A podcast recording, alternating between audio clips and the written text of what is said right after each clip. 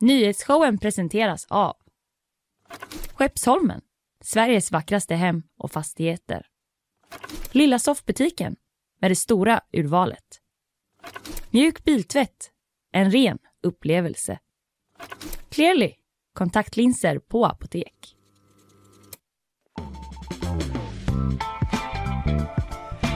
Ännu en vecka, eh, nya tag, ny vecka är det ju det jag brukar säga. Just ja, glömde av mig halvvägs. Vad är det jag brukar säga nu? Ja, vad är det jag brukar säga? Ny vecka, nya tag är det ju. Ja. Eh, low key catchphrase jag liksom jobbar in. Men nu Ja. har jag sagt det så nu blir det lite töntigt så nu får jag lägga ner det. Eh, Fanny Wik, eh, den numera heltidsarbetande Fanny Wik Ja. är hos oss. Gud vad underbart för oss. Hur känns det för dig? Ej längre föräldraledig. Ja, men det känns ändå bra. Jag har ändå sett fram emot att börja jobba. Men det var lite svajigt hela veckan. Så nära gråten. Ja, ja, du har haft en sån eh, blöd... Min bebis är stor och tiden går. Snart dör vi alla. Ja, obönhörligt. Men du är tillbaka krass som vanligt Jajamän. mot eh, vår producent. Vi gick in och roastade honom hårt det första som hände. Karl. Förlåt Jag kommer inte ihåg vad det var, men jag skrattade gott i alla fall. Eh, du, eh, vad vi ska prata om idag då? Eh, Ja. jag ska prata om den här Erdogan-dockan du vet som hängde upp och ner Mm. i Stockholm i slutet av förra veckan. Det har ju varit eh, lite av helgens nyhetsföljetong Verkligen. med reaktionerna där om yttrandefrihet och återigen så anklagelser om krypande för Erdogan och lite så här eh, roliga citat eh, här och där. Det ska jag prata om. Vad ska du prata om? Jag ska prata om eh, en soldat från Wagnergruppen som dök upp i Norge och har sökt asyl. Och, Ja, eh, väldigt under väldigt dramatiska under former va? filmiska omständigheter. Bara skummat igenom, det blir spännande. Ja, och jag ska också prata om Greta Thunberg som har blivit bortlyft av tysk polis från en kolgruva. Det ser vi fram emot. Eh, Vi får gäst idag också. Det är Björn Sisjö som kommer hit. Mm. Stadsarkitekten. Fint ska det vara. Vi ska prata lite om eh, hur den här stan ser ut egentligen. Björn. Vad säger du om det? Nej men också ja, men, eh, ta honom lite på pulsen. Vad är hans liksom, personliga smak och vad gör han egentligen? Vad tycker han är fint och fult Mm. och kan förbättras eh, och eh, vad är redan perfekt med den här stan? Det blir spännande att höra lite hans tankar om det. Sen är det bakvagn också. Jag ska snacka om eh, vildsvinskaoset i Angered. Vad är chipsfabrikens roll i det hela? är det för att de har lanserat en ny så ekollonsmak? är det därför? Drömnyhet. Ja, det ska vi prata om. Jag ska också prata om en finsk familj på Sicilien som skapat ramaskri så att eh, så till den milda grad att de fått lämna landet. Oj. Dessutom fler hemliga papper som hittats eh, på ställen där de inte ska vara eh, angående Joe Biden då. Det bara Typiskt Joe. fortsätter det där. Nya papper har hittats. Ja. Eh, du då, vad har du mer? Eh, jag ska prata om Shakira som har gjort en episk disslåt ja just det, jag har Ja. hört om den ja, mot Ja. sitt eh, ex ja. mot sitt ex. Mm. Eh, och lite mot Brit Awards som också har gjort bort sig eh, lite grann får man ändå säga. Ja. Och en större nyhet jag hörde i morse om värnpliktiga. Ja, det ser jag fram emot. eh, vad är det så? What grinds uh, Fanny Viks gears liksom? Eller hur? Eh, hur har helgen varit? Bara helt kort. Eh, väldigt lugn. Ja, Hur har din helg varit? eh, också lugn. Min tjej fyllde år igår för sig. Grattis! Ja. Säger jag till dig, men Ja, hon är inte nej, här. men tack så mycket. Jag är Hade du nöjd köpt något med... fint? eh, Ja, jag köpt, eh, ja, det hade jag. Vill du skryta? Nej men det var, nej, det Inte var så inget märkvärdigt, inte så fint. Nej. nej. det var en lång process, alla som jobbar här vet om det för att eh, det var en, kastrull, en särskild fin kastrull Mhm. som skulle köpas. Så det föregick så många typ så liksom olika marketplace grejer som gick i stöpet och så fick jag ha så bryta ihop på en lunch och fråga alla vad ska jag göra? typ så fick Isabella hitta ett jättebra pris på Nej, en kastrull åt mig så åkte jag dit och köpte den. Nej. Tack för det Isabella. Teamwork. Mm, och så lite böcker och sådär också. Nej men det Ja. var kanon. Det var mysigt. Ja, ja, vi kastar oss in i nyheterna eller? Jag tycker väl det va? Ja. Det är väl inget att vänta på. Nej för fan. Wagner. Ja, det är alltså så att en soldat från den ökända Wagnergruppen har sökt asyl i Norge och det är ryssen Andrei Med Medvedev. Mm. Medvedev, om det är samma Jag som bara- han eh, politikern. Med, säg det igen. Medvedev skulle jag säga. Det Men heter han förmodligen. Vi säger det. Eh, han har då stridit för Wagnergruppen och eh, nu säger han sig vara villig att vittna i norsk och internationell domstol om vad han har upplevt i kriget. Just det. det är den här paramilitära gruppen Det då är som... den eh, paramilitära gruppen ökänd för inte så trevliga saker. Eh, Men eh, det har inte funnits några vittnesmål från liksom gruppens kärna innan. Nej. Så det här är en stor eh, grej helt Ja. enkelt. Och den här soldaten då greps av norsk polis efter att han hade korsat gränsen mellan Ryssland och Norge på ett väldigt filmiskt vis. Och jag har snott ett klipp från Sveriges Radio här som kan sätta stämningen. Mm. Det var natten mot fredag som den ryske medborgaren tog sig över gränsen från Ryssland till Norge. Och flykten ska ha varit dramatisk. Enligt uppgift ska mannen ha jagats av hundpatruller och med den ryska säkerhetstjänsten FSB hack i häl som följt mannens spår i snön ska skott ha avlossats mot honom enligt tidningen Barents Observer. Oj, oj, oj. Mm. Det är spår i snön, Hundpatruller. hundpatruller. Ja. sprang där över gränsen. Men han tog sig in i Norge och där ska han då ha knackat på en privatbostad och Okej. bett om hjälp. Gud vad obehagligt. ja, verkligen. Kul att bo där nu, precis på gränsen. Ja, Ja, nu knackar det på dörren. Kan du ta det? Är det grannen som vill låna en kopp socker? Gör man det nu för tiden? Eller är det någon i Wagner? Det var en legosoldat, typiskt. De ringde i alla fall eh, norsk militär och Mm. sa hallå, kan ni komma och hämta den här gubben? Bra agerat. Ja, det hade man kanske också gjort. Och det, de tog med honom in till Oslo och han har sagt då till norska VG att han värvades till Wagnergruppen för, eh, på ett fyra månader långt kontrakt, Mm. typ i somras. Men sen när tiden var över så sa de, "Nej, du ska ingenstans. Du, du ska stanna kvar och fortsätta strida. Och det vill inte han. Då höll hans, hölls han fången, enligt honom själv då, men fick hjälp av soldater i gruppen att fly tillbaka till Ryssland, Okej, och därifrån tog han sig... till Norge. Ja. Bara Över stanna gräns. upp snabbt i det att han, han liksom springer i snön där i nordligaste Norge Mm. med hundar hack i häl och de bara skjuter efter honom Mm. medan han springer över gränsen. Ja, det är otroligt. Det är väldigt, eh, alltså det tar ju också kriget ännu närmare oss på Ja, något sätt. jo, att visst. han eh, jagas runt där. På ett sätt. Eh, men han säger sig i alla fall ha filmer som visar godtyckliga avrättningar av soldater som inte vill strida mer. Mm. Och det är någonting som de har spritt klipp på innan, bland annat en soldat som slås ihjäl av eh, andra soldater då inom gruppen. Och eh, den, hans vittnesmål då kan kanske leda till ett åtal mot den här gruppens chef, Putins kock. Just det, han är liksom kompis. Han var Putins kock. Han var, jag tror inte ens att han var det. Jag vet inte, det finns väldigt lite information om honom tydligen. Han har, det är ingen som vet exakt hur, han är i den inre kretsen men han Mm. har liksom ingen officiell eh, eh, Han är inte minister liksom. Nej, verkligen inte. Och han har också hållit sig undan media lite. Mm. Men jag läste någonstans att han började som korvgubbe i Sankt Petersburg Mhm. och sen typ blev rik på att, eh, på att sälja mat på något sätt. Jag vet inte, ja. kanske därför han blev kocken. Ja just det, han hade låda på magen. Ja, Det sen gillades han, av eh, lagen. Så blev han kompis med Putin. Och han fick jättemycket pengar. Ja. Och sen bildade han en liten grupp med legosoldater som slåss för pengar. Det är ändå oväntat om liksom, han som har järngrillen skulle bilda en sån paramilitärgrupp. Eller Lite jävla steg menar jag bara. Ja, det får man Men jag fattar att det inte var riktigt så det gick till. Nej, jag Att tror från det ena till det andra. Ja, Plötsligt en dag. Ja. Men vi får väl helt enkelt se. Det känns som att det kanske kommer komma, börjar komma lite vittnesmål från det här kriget nu. Ja, Kanske i början i Norge helt enkelt. ja, det blir väldigt spännande att, att följa vad han kommer att säga. Mm. Eh, helt klart.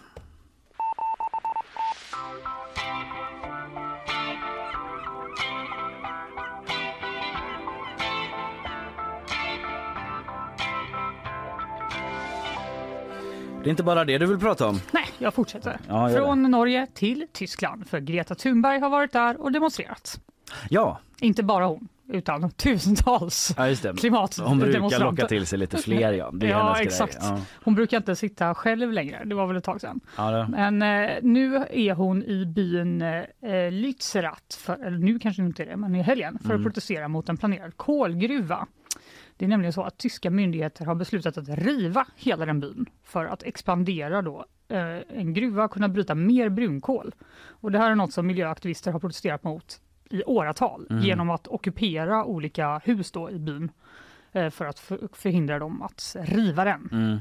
Men nu har det trappats upp lite då, kan man Ja. säga. Greta har kommit ner. Greta dök upp. Eh, bakgrunden är väl så här att förra året så fattade de då beslut om att de skulle riva hela byn trots att eh, de har som löfte att fasa ut kolen till 2030. Mm. Eh, och den tyska regeringen menar då att det är energikris den vi lever i alla ja, dagligen. så vi- nu får vi bryta lite mer kol ändå. Get the Eh, fuck out till ja, de här byborna typ.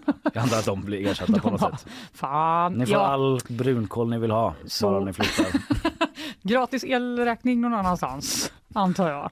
Nej, men de har eh, evakuerats och eh, sålt sina hus då, till, för marken ägs nu av eh, energibolaget som äger gruvan. Så Ja, de har inte okej. bara blivit av med sina hem så, utan de har ändå fått sälja sina hus till eh, det här bolaget. Eh, och nu har den här byn då blivit lite av en symbol Ja, då, för motståndet mot fossila bränslen. Mm, mm. Eh, därför kom alla dessa människor dit. Och i- det var i onsdag som det blev det började trappas upp lite för då omringades den här byn av kravallpolis som började då avlägsna olika aktivister. Mm. Eh, och i lördags, där kom den stora sammandrabbningen. Okej. Jag, har inte, jag har inte hört alls mycket om det här. Nej, och det är lite konstigt för att enligt arrangörerna så var det 35 000 personer där Jaha, och, och demonstrerade. Ja. Eh, Enligt polisen var det bara 15 000. Ja. Men det är ju Ja, ändå ganska, mycket, ändå. folk Mm, får man ändå säga. Ja. Eh, och det blev helt enkelt bråk. Eh, enligt eh, nyhetsbyrån AFP så säger de här aktivisterna att den tyska polisen ska ha använt massiva batonger, pepparspray, vattenkanoner, hundar och hästar mot dem. Och eh, ja, minst 20 personer ska först till sjukhus efter att de hade mottagit slag i huvudet och magen av polis, Oj. säger demonstranterna. Polisen säger istället, mm, vi har inlett massa eh, utredningar här, minst 150 fall av motstånd mot polis, egendomsskada, brott mot allmän ordning och minst 70 poliser ska ha skadats Jaha, i sammandrabbningarna. Ja. Mm. Så det, Det är ändå, är lite ehm, olika där då, vem man... Ja, men det liksom- verkar hetta till hur som Det helst. verkar ha, verkligen ha hettat till. Och mitt i detta då satt lilla Greta Ja. Thunberg. Eh, hon kom dit i lördags eh, för att hålla ett litet tal till, eh, för demonstranterna Mm. och eh, inge hopp antar jag. Och eh, Reuters eh, hittade henne där bland alla dessa 35 till 15 Ah, där är ju du. Ja. Ah, Greta! Och eh, vi kan höra vad hon sa då om det här. I think it's absolutely absurd that this is happening the year 2023. Um, it is the most affected people are clear. The science is clear. We need to keep the carbon in the ground, and it, this is it's uh, Germany is really embarrassing itself right now. Tyskland skämmer ut sig själva. Säger Mm. Kolet ska vara i marken. Congratulations, you played yourself. det är den mimen hon kör. Ja. Hon körde den, ja. Och, eh, ja. Hon var där, hon höll tal. Sen ska hon då överraskande ha återvänt igår på söndagen när staden höll på att röjas, som det står i Aftonbladet, efter då de protesterna. Eh, och då har Aftonbladet läst den tyska bil- tidningen Bild som lämpligt nog då har bild, Bilder på detta. bild Mm. på Greta och när kravallutrustad polis lyfter bort henne Ja, från en Det är jordhög. ju det jag har sett bara Ja. var förbi den bilden. När hon Exakt. blir lyft i armarna så. Hon sitter på marken och så Hon bara, sitter bestämt på en jordhög. I Aftonbladet står det så här. Klassisk aktivik- aktivist-stance. Ja, att liksom sitta exakt. lite skräddare så. Man måste kunna sitta skräddare om man ska vara aktivist. Sådana. Mindfulness. Ja. Eh, I Aftonbladet står det bilderna visar Thunberg som ensam sitter på en jordhög och skrattar. Ja, hon ser glad Hon ser ut. Ja. liksom Mm. glad ut. Och eh, det tyckte jag var lite konstigt först men det verkar som att de har helt enkelt sagt du får gå härifrån och då säger hon nej för jag sitter här och demonstrerar på jordhög Mm. och då tog de tag i henne och typ lyfte bort henne en bit och sen släppte de henne. De är väl ganska vana, det är väl eh, den proceduren som brukar följa. Ja. När man limmar fast sig eller sittstrejkar någonstans. Exakt. Ja, man blir bortlyft man slut. blir bortlyft lite längre bort Mm. och sen kanske man ger upp då. Gå tillbaks Ja. eller ger upp. Eller, ja. det, beror Oklart. På. det är oklart, det är från situation till situation. Det är en situation. Men det verkar inte varit så dramatiskt i alla fall. Det är inte som att hon har blivit liksom inkastad i någon sån eh, bil och kö- bortkörd. Det är inte den jazz i Fresh Prince. Att det är sån! Nej, Om du har det, sett det. nej, det har jag inte, men jag kan se det framför mig nu. Han liksom När du ligger bara- vågrätt i luften och blir utkastad så. Någonting säger mig att just Greta kanske inte riskerar den typen Nej. av behandling. Hon är ändå lite av en kändis. Så från eh, Ullevi till en jordhög i Tyskland. Greta turnerar vidare Ja. i sitt demonstrationståg. Nej men nu spelar jag fel ljud här. Nej, men, Åh vad otajt, vad trött jag blir. Där kommer det istället.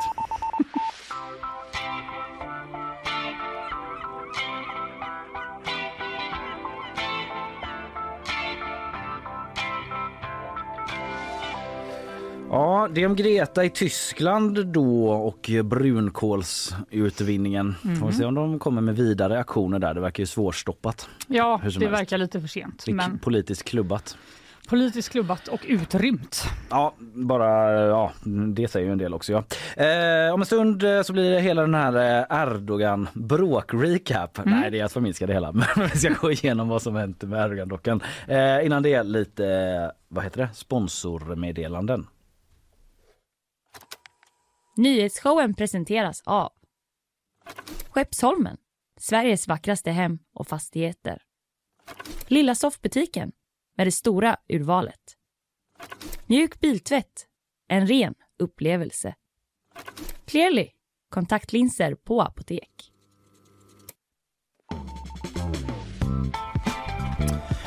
Ja, god morgon eh, Isabella Persson. God morgon, nu kämpar jag för att komma upp på stolen här idag. Ja, det är vårt ständiga problem Det är en sån dag idag.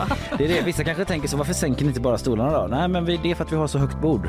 Ja, det är inte det är sänkbart. verkligen därför. Så det, Vad ska vi göra? Vad ska vi göra? måste sitta högt. Eh, hur mår du? Hur har din helg varit? Den har varit eh, jättebra. Ja. Eh, jag har eh, också fyllt år ju, det pratar vi om, så jag har firat det. lite. Ja, du nöjde dig inte bara med en sån lunch mitt i veckan med oss utan Nej, mycket vill ha mer. absolut. Man ska alltid fira så mycket man kan tycker jag. Ja, det får stå för dig. Nej, ska. Nej, det är absolut. Eh, jag släpper över eh, till eh, en nyhetssammanfattning. Tack. Seriemördaren Mikhail Popkov vill ansluta sig till Wagnergruppen för att strida i Ukraina. Detta rapporterar Daily Mail. Popkov avtjänar två livstidsstraff efter att ha erkänt mord på 83 kvinnor. Och sedan en tid tillbaka har det kommit rapporter om att ryska fångar värvas till kriget. Efter en blåsig helg så verkar det nu bli lugnare vindar men SMHI varnar nu för omfattande översvämningar och man har utfärdat en röd varning i norra Hall- Halland i området vid Viskan och Ätran. Det finns också en risk för större översvämningar i området runt Borås och Jönköping. Nu går vi in i den veckan som brukar kallas årets fattigaste och i år räknas den bli den tuffaste på flera årtionden. Orsaken är den höga inflationen, höjda räntor och ökade elpriser. Privatekonomer uppmanar de, hus- uppmanar de hushåll där pengarna inte räcker till att agera genom att till exempel kontakta bank eller de företag som utfärdat räkningarna då det ofta finns möjlighet att skjuta upp eller få delbetalning. Man avråder också i största möjliga mån från att ta snabbkrediter. Känner ni av den? Årets tuffaste vecka. Ja. Så ledsna. Märk, Ja. ja. Märks det i, Det i, i presentväg när man fyller år? Alltså det är ju ett dåligt datum att fylla år eh, på ändå. Sådär. Börjar Snälla, januari. jag fyller år den första Ja. januari, så bräck det. Nej. Första januari? Ja. Okej. Det är mycket så, här är en teckning så. Ja, Pizza som jag ska äta upp själv, men absolut. Ja, ja, eh, men agera alla som är fattiga. Hör av till. Nej men det var bra, man kan skjuta upp lite räkningar så. Ja, det är väl skönt. Det är väldigt bra tips. Istället för att ta snabblån. Ja, det Exakt. känns ju generellt som en jättedålig idé. Eh, Okej Isabella, vi hörs om en stund. Tack.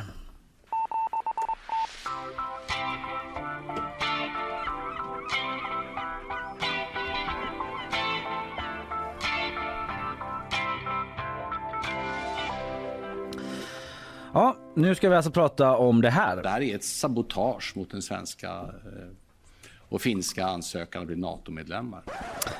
Ulf Kristersson, statsministern, hörde vi där alltså som snackade om den här dockan då föreställande Turkiets president Erdogan som eh, hängdes upp, upp och ner eh, utanför stadshuset i Stockholm i slutet av eh, förra veckan.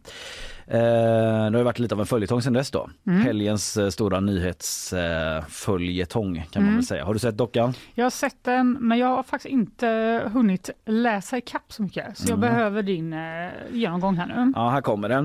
Eh, det är ju då en aktivistgrupp eh, som heter Rojava-kommittéerna som tagit på sig den här aktionen. En eh, förenklat eh, pro-kurdisk grupp kan man väl säga. Eh, och de har fått rätt bra spinn på den här grejen. Alltså verkligen.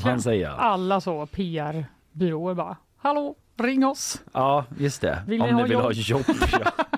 Direkt att de överger kampen. Ja, Jag jobbar på Prime nu. Jag fick ett så bra erbjudande. Jag kunde inte tacka nej. Det är fattigaste veckan. Säger liksom År. nästa reklam för Succession säsong 4 eller någon ny tandborste så. Att det hänger ett tandtroll upp och ner någonstans. De har bara det greppet liksom. Bara fortsätter med ringer det. de dig med Kalle. Ja. Nu får du sluta pitcha här. Ja men de har tagit på sig det och eh, Turkiet är ju rasande. Till exempel så ställdes ju talmannen Andreas Norléns resa till Turkiet in, eller åtminstone sköts upp då. Det har vi pratat om här förut, att han har ju erbjudit sig själv att resa så han var ju ändå taggad. Gulle. Ja, men han får packa upp kakburken och bida sin tid. Han har Eh, bakat så sju små kakor. ja, Hur, bara övat och övat och övat. då ska vi se. Sju dagar och sju kakor. Det blir alltså 49 kakor eh, packar vi upp. Ja, om man nu skulle ha med sig kakor, då, det vet vi inte. Men det är ju en grej då som har hänt. Det är att eh, besöket ställ, eh, skjuts upp. Eh, Sen har ju Turkiet också kallat upp Sveriges ambassadör som det heter. När man är så, Just det. kom hit!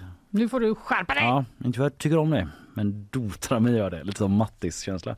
Kom hit! Ja, i alla fall eh, så eh, han fick komma upp där och höra några väl valda. Eh, kanske var det den här gången att eh, detta är ett bevis för att svenska myndigheter inte tagit de nödvändiga stegen mot terrorism. Så skriver i alla fall Erdogans talesperson på Twitter i samband med det där. Mm. Vad som nu sades då, men det kanske var något i den stilen. Eh, grus i maskineriet kallar eh, ex-utrikesministern Carl Bildt det här för på sin blogg som han knapprar på. Va? Mm, han har en liten blogg där. Eh, det blev en nyhet så det är inte bara så att jag sitter och refreshar hans blogg. Bastard Kalle. Det var söndag kväll. Min favoritblogg. Dags att knappa sig in på Bildts blogg. Sandra Beijer och Carl Bildt. Jag följer där. För politik, Sandra Beijer. In, Ja. Inredning och så, Carl Bildt. Nej, men ehm, eh, han tror i alla fall att det förr eller senare kommer att bli ett ja. Han är lite så, ehm, han, är inte, han stressar Okej. inte upp sig Carl Bildt. Det kommer bli ett ja, frågan är bara när. Men han är inte så nervös för tidtabellen. Men det får vi se i alla fall då. I övrigt då, eh, sen den här dockan hissades i någon sorts Mussolini-blinkning får man anta. Han hängdes ju från en Mm, lyktstolpe, den gamla diktatorn i Italien. Så har ju det rasat en debatt om regeringens ton mot Turkiet och hur stor förståelse man visar för deras ilska istället för att stå upp för yttrandefriheten. Mm. Så har kritiker eh, uttryckt det i och med att det är inte olagligt Nej. att genomföra den här aktionen eftersom vi har yttrandefrihet. Så är det. Många har sagt ungefär så här då, sammanfattar jag, typ så här, ja, det var en osmaklig aktion, men inte olaglig. Vi måste stå upp och förklara att man får göra sånt här i Sverige. Det här är Sverige och inte Turkiet och så vidare. Det tycker jag för övrigt då en liten passus, det är en lite så intressant kritik mot aktionen, att den skulle vara osmaklig. Eller om det är en kritik eller bara ett konstaterande för att ja, det är väl klart. Eller det är väl the poängen tänker jag. Ja, verkligen. Ja, att de liksom inte tänk, Det är inte så att Ro- Rojava-kommittén tror att de har skrivit en sån klurig kultur Nej. think Har ni piece. tänkt på en sak? Ja. Yttrandefrihet. Att man måste, liksom- att det är en sån nyckeltext. Demokrati. Ja, att man måste ha liksom, kunna ganska mycket symbolik från typ Bibeln och grekisk mytologi. Nej. Att de liksom vill bli uppburna så, komma Nej. med På spåret. Ja, just det. Ankan Johansson och en från Rojava-kommittén i Är det nästa, dressinen. nästa säsong? Jag tror inte det är det de vill. Eh, men ja, osmakligt. Eh, men det är väl poängen, är det jag försöker säga. Eh, skitsamma. Eh, vi kan höra här då tonen som en del stört sig på. Först från eh, Ulf Kristersson. Jag förstår Turkiets ilska över detta. Vi hade visat exakt samma ilska om det hade hänt i ett annat land riktat mot svensk ledande politiker. Exakt samma. I ett annat land? Varför säger han inte i Turkiet mot oss? Ja, ja, jag vet inte. Han bara, skitsamma. Vi, kom, vi skulle bli svinarga. Vart hände. det än hände i Ja. hela världen. Eh, ja men att det råder någon sorts spegelförhållande. Vi hade blivit eh, lika arga till exempel och gjort det här kanske. Och så har en turkisk domstol inlett en brottsundersökning om händelsen efter en anmälan av en av president Erdogans advokater. Jag vet inte om Kristerssons advokater hade anmält en organisation i ett annat land om det hade hänt. Men Nej. kanske. Eh, det är inte det han säger men eh, han säger ju sig att vi skulle ju ju det. exakt likadant. så tydligen hade det blivit så. Ja. Ja, ja, han säger i alla fall vidare så här. Eh, Så jag har stor respekt för detta och vi har uttryckt det också gentemot Turkiet. ja, man har hört av sig och sagt bara, we get it bro. Vi hade också varit Vi lika arga. Exakt lika arga.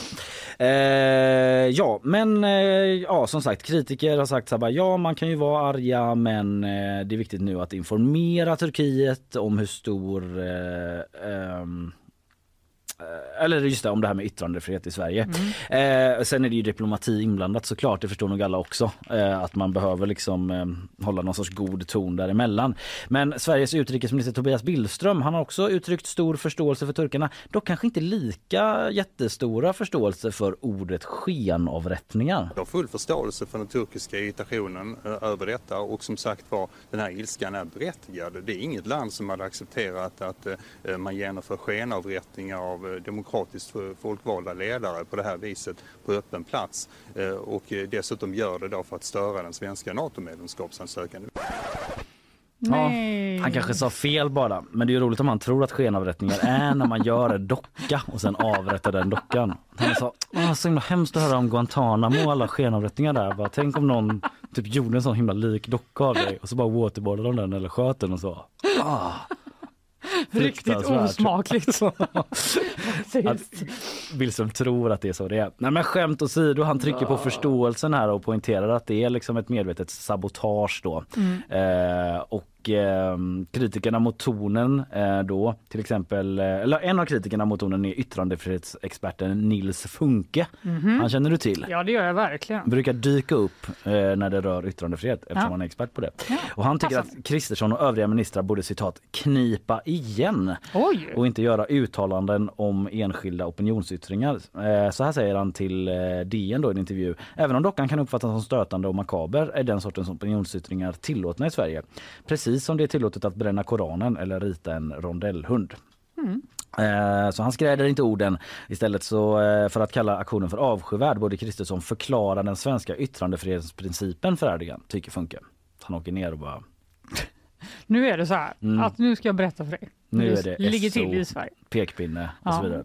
Nej, men att han skulle göra det på något sätt då. Eh, sen har många också reagerat på eh, att eh, Billström konsekvent beskriver Turkiet som en demokrati. För det är många som ifrågasätter ja, det. det. och de hamnar ju väldigt långt ner på det här demokratiindex. Mm. att det har kommit rapporter från Amnesty att de eh, själva använder tortyr mm. Eh, och sådär. Alltså som en kommentar till att den här dockan hängs upp och ner så där, liksom att det förekommer övergrepp i Turkiet.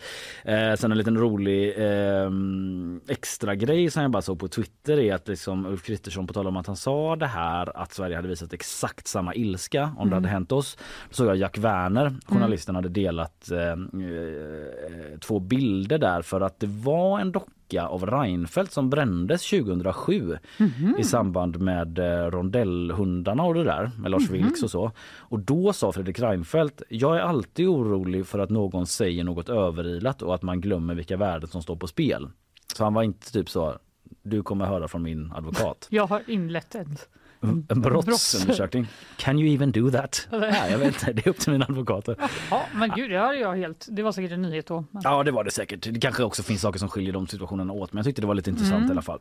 I alla fall, dockan har skapat turbulens. Turkiet säger att de inte är redo att ratificera Sveriges ansökan, men andra menar ju då att vi inte behöver oroa oss. Så får vi väl se vad som blir nästa utspel då från Verkligen. aktivister eller politiker.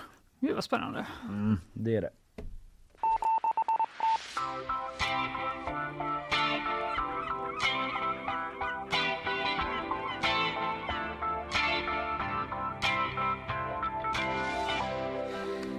Det om det. Om en stund så ska vi släppa in dagens gäst. Ja. Björn Sisjö. Ja. Stadsarkitekt. Väldigt ständigt aktuell. Ja det får man säga. Är du i och med att diskussionen om hur Göteborg ska se ut och sådär att det alltid, känslan är ju, upplever jag att det alltid byggs saker där hela tiden men kanske Okay. Det, det, stämmer, men det, har ju, det är ju peak nu. Ja det är det va, för jag var på väg att säga så här, nu kanske mer än någonsin. Men så känns det som att man säger okay, det ibland. Jag kanske inte skulle våga säga det till Björn. Nej, vi kan, vi, vi kan, kan fråga, vi kan vi kan fråga honom faktiskt. Men det känns som det. Ja, eller det hur. Inte bara Västlänken utan det är Karlatorn och det är liksom vad ska hända med Frihamnen och nu ska Stena Line flytta här om ett tag och ja. vad ska hända där och allt sånt där. Det är mycket på gång är det vi försöker säga. Några som har saker på gång det är våra sponsorer. De berättar om sig själva här. Nyhetsshowen presenteras av Skeppsholmen Sveriges vackraste hem och fastigheter. Lilla soffbutiken med det stora urvalet. Mjuk biltvätt, en ren upplevelse. Clearly, kontaktlinser på apotek. Björn, Björn, Björn, Björn Sisjö, Göteborgs stadsarkitekt är dagens gäst som väntar här utanför. Vi ska släppa in honom innan vi frågar hur många timmar han lagt på eh, Simcity egentligen mm -hmm. och en del annat. Eh, så häng kvar. Vi vilar på mattan, tar lite kaffe. Alldeles snart är vi tillbaka. Sådär ja, vi är på plats redo vid mikrofonerna. Dagens gäst är här. Vi ska snacka arkitektur, stadsplanering, lite vad som pågår i den här stan. Mm. Vad är fint? Vad är fult? vi får väl se vad vi kommer in på. Mm. Dagens gäst är i alla fall stadsarkitekt och han heter Björn Sisjö. Välkommen hit Björn. Tack så mycket. Vi har redan varit igång här när vi skulle släppa in dig och var så här. Byggs det inte mer än vanligt i Göteborg? Ja, Gör det det eller är det bara vår känsla? Nej men det är lite lurigt det där för att det har nog byggts ganska mycket i Göteborg kontinuerligt i, i många, flera decennier faktiskt. Men inte så centralt och inte så synligt som det är idag. Mm. mm. Det är att vi får det i ansiktet varje dag helt enkelt. In your face, ja men så är det lite grann. Ja. Och nog byggs det kanske lite mer än det har gjort tidigare också. Men, men vi har byggt i Göteborg under alla år fast kanske ute på ett gärde eller i en skog någonstans. Just det. Mm. För att det, man upplever ju ändå Alltså det är en del sådär, eh, sådär landmärkesbyggen, alltså Karlatornet och en del sådär klassiska platser. Alltså Karlatornet håller på, det är också eh, Frihamnen som kanske är en sån långkörare mm. men också i Fiskehamnen och sådär. Det är mycket så intress intressanta ytor som eh, det spekuleras Jo men det är ju i och med att vi kanske har släppt fram lite mer höga hus nu än tidigare och också i synliga lägen. Mm. Mycket som byggs i synliga lägen. Så, så märker ju alla det. Det är ingen som kan undgå det riktigt nu för tiden. Nej, så är det. Mm. Ja, vi återkommer lite till eh, de ja, här ja, Jag bara kastar mig in där. Men jag mm. tycker vi kanske ska börja liksom från början och fråga dig, vad gör egentligen en stadsarkitekt? Ja, det är ju svårt att säga, för vad gör jag inte? Ja. Bland annat gör jag sånt här som jag gör just nu, men, men eh, jag gör allting som har med kvalitet i stadsbyggande och arkitektur att göra och försöker, försöker höja den. Vad betyder det? Det betyder att uh, man kanske uppmuntrar uh, byggaktörer att göra, göra arkitekttävlingar. Man kanske jobbar på en massa andra sätt med att uh, att, att höja ribban vad det gäller hur vi bygger Göteborg. För den har legat på marken ett tag. Och, på vilket sätt har den legat på marken? Nej, men om du tittar på en del liksom, Eh, en del äldre höga hus i Göteborg till exempel som ju är väldigt synliga då. Det finns andra hus som är synliga men så har de varit lite väl enkla. Om du tänker där, där nere vid Tändstickan där eller på Lyckholms eller, eller så, så har man byggt ganska fula hus som är väldigt synliga och i känsliga miljöer. Vilken är det bredvid Tändstickan? Alltså förlåt en typ som Nej, men det, bott i Stockholm det, det är den här liksom Afris byggnaden nästan nere vid Mölndalsgränsen vid E6. Ah. som ser ut som att man har staplat ett gäng containrar på varandra. Ah. Den, den är ja, ja, ja, just det. Sen kan vi ha till exempel Gotia Towers där man gjorde tre tre stycken glastorn. Mm. Först två och sen så ett till. Man ville göra ett fjärde exakt likadant. Då, då fick vi faktiskt säga till Svenska Mässan att 90-talet är över nu. ja, det var så. Ja, Fick du ringa dem då? Nej, jag pratade med dem direkt. För vi ja. hade, de, Storma in? Nej, det var nog de som lite så, ja. eller jo, jag kanske stormade. Ja. Hur tog de det då? De, de sa yes, vi gör så. Och sen så gjorde vi så. Mm. Så vi gjorde en, en, en, en tävling om om ett nytt högt hus. Mm. Men då kan man ändå säga att du har ett visst inflytande i hur staden ser ut? Jo, men jag brukar säga att jag har ingen linjemakt. Jag har liksom ingen sån här, um, om jag pekar med handen så händer det, utan jag måste prata hela tiden. Uh, och då har jag en väldig påverkan. Mm. Mm. mm. Folk är ändå beredda att lyssna liksom? Ibland, mm. och så hittar vi sätt att få dem att, att lyssna. Finns det exempel som där du tyckte att de borde gjort någonting annorlunda? Man har varit så här, nej, ja, det finns väl fullt av exempel, men det är inte det jag vill prata om idag. Jag vill prata om det som har hänt som är bra. Ja, okay. Du vill inte delge något som du kände att mm, det här är inte min grej riktigt? Nej, men gnälligt. Ah, okay. Men vad, vad, om vi har en positiv ton vad är det bästa med Göteborg och hur Göteborg ser ut tycker du? Det bästa med Göteborg är ju att det är en stad som ligger nära vattnet, nära havet, nära naturen. Det, det är liksom väldigt lätt att komma, komma, komma till orörd natur på mm. olika sätt. Om det nu är på havet eller om det är skogen. Och det ska vi vara rädda om och därför ska vi inte bygga villamattor på, på alla, alla lediga naturplättar. Mm. Det är därför vi ska försöka hålla ihop bebyggelsen så att vi spar den där värdefulla resursen vi har. Men jag tycker, måste ändå säga att för att vara en stad vid vattnet så märks det inte så mycket, tycker inte jag, som ändå har levt här hela mitt liv. Det är ju svårt att komma till vattnet i Ja. centrala Göteborg. Ja, fast det blir lättare och lättare. Det, det, det sker förändringar i, i stan lite sådär gradvis, lite omärkligt så blir det en bättre stad faktiskt. Jag tar bara Odinsgatan här utanför till exempel som var en fyrfilig motorled med en jättestor asfaltrondell i mitten. Den rondellen är en park och det är en tvåfilig gata med träd nu. Va? Så att det, det, Vart är det exakt? Förlåt. Återigen. Jag... Od, Odinsgatan, om du går ut genom dörren. Odinsgatan. Ja, gata. Om Det du går ut genom dörren här. Kalle, vad är det här? jag tyckte... Vaknar du på morgonen egentligen? Jag sover här på kontoret. Jag går aldrig därifrån. Jag har tyckte ut. Odlingsgatan. Jag bara, va, va, okej. O- Ja, Odinsgatan. Ja. Precis, nu försöker jag rädda mig själv. Ja, verkligen. Eh, ja, ja, okej, men vatten, eh, vattennärheten då. Men jag tar, kan ändå hålla med där med närheten till vatten. För på Hisingssidan så är det ju, där kan man ju liksom strosa. Där har man Mm. den här waterfront-grejen liksom vid Eriksberg. Eller waterfront kanske är annat. Ja, men älven är också vatten och, och nej men jag, alltså nej vi bor ju inte vid havet, alltså Göteborg är inte en stad vid havet men det är ganska lätt att komma ut till havet. Mm. Du kan på spårvagnsbiljetten så kan du komma ut i skärgården, det är inte alla städer som har det. Mm. Vad är liksom det sämsta med Göteborg då? Eller den stora utmaningen? Rent? Den stora utmaningen är att vi, vi har byggt stan mycket efter andra världskriget och som en bilstad. Eh, Vi har byggt eh, motorleder som, som skär igenom stan och skär sönder den.